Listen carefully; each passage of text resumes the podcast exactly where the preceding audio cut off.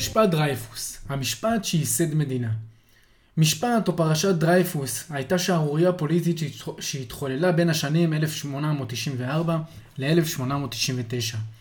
השערורייה התנהלה סביב אלפרד דרייפוס, קצין יהודי בחיל הארטילריה של הצבא הצרפתי, שהואשם בריגול לטובת הקיסרות הגרמנית. על בסיס ראיות קלושות, הרשיעו את דרייפוס והגלו אותו לאי השדים, אי מבודד על ידי... אי מבודד על יד גינאה הצרפתית. אחיו של דרייפוס, מתיה דרייפוס, הוביל קבוצה של עורכי דין ועיתונאים כנגד השערורייה המשפטית פוליטית הזאתי. בשנת 1896, בזכות חקירה נמרצת שניהל קצין מודיעין צרפתי בשם ז'ורג' פיקר, נחשף המרגל האמיתי פרדיננד אסטרזי, שהוא היה הגנרל. פיקר, שהביא את הממצאים לממונים עליו, קיבל יד קרה. הטענה הרווחת היא שהממונים עליו פחדו על שמו הטוב של הצבא הצרפתי, ולכן שלחו את פיקר לתפקיד נידח בתוניס, שאז הייתה תחת שליטה קולוניאלית של צרפת.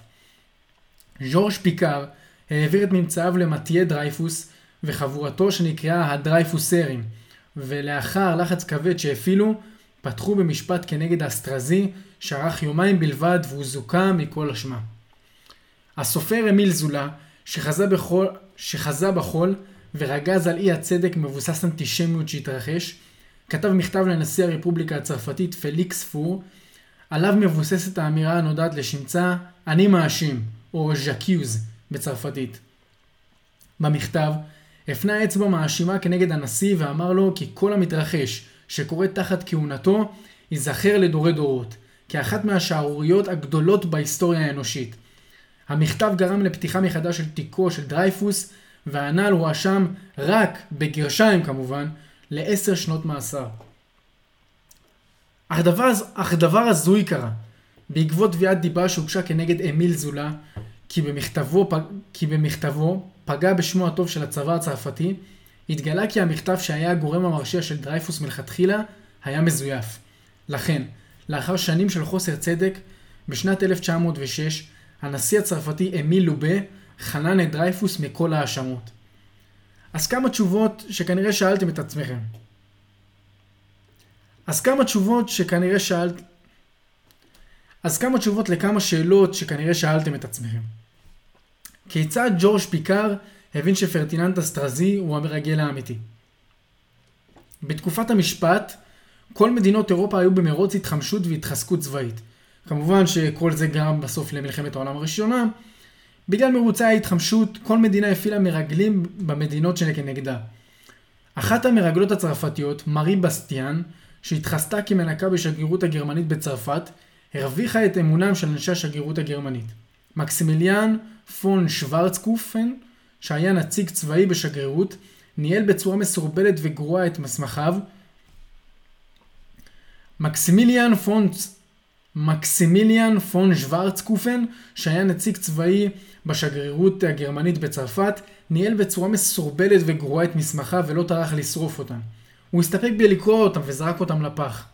כך, מריה מרגלת, ששמה הצבאי, כך, מריה מרגלת, שהקוד שלה היה אוגוסט, הצליחה להגיע למכתב ששלח אסטרזי לשוורצקופן, וכך הצליחו להגיע לחקר האמת. מה היו מניעיו של פרדיננד אסטרזי לבגידה וריגול?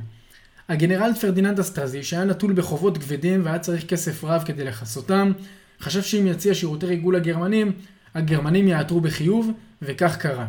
הוא והנציג שוורצקופן נהגו להיפגש אחת לשבועיים. כיצד לא עלו על המכתב המזויף?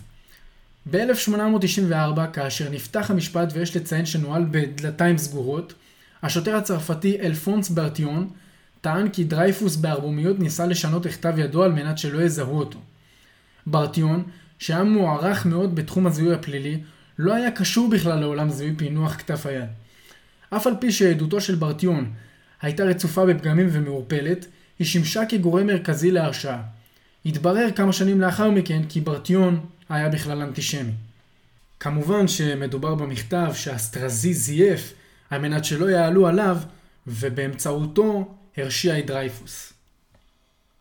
אז למה בעצם המשפט היווה לניצוץ שהקים את מדינת ישראל? השאלה החשובה ביותר, ממש שם, במשפט הזה, ישב עיתונאי יהודי שסיקר את המשפט בשביל העיתון הווינאי נויה פרייה פרסה. אותו העיתונאי, ידוע היום כסופר של אלטנוילנד ומדינת היהודים. אותו היהודי ידוע בתור מי שאמר את המשפטים בבאזל ייסדתי את מדינת היהודים בהקשר של הקונגרס הציוני הראשון ב-1897 ואת המשפט אם תרצו אין זו אגדה. הלו הוא בנימין זאב תיאודור הרצי. המשך יבוא, תודה שהאזנתם ושיהיה שבוע מצוין. What money got to do with it? When I don't know the full definition of a rap image. I'm trapped inside the ghetto and I ain't proud to admit it. Institutional lies, I keep running back for a visit. Hold up.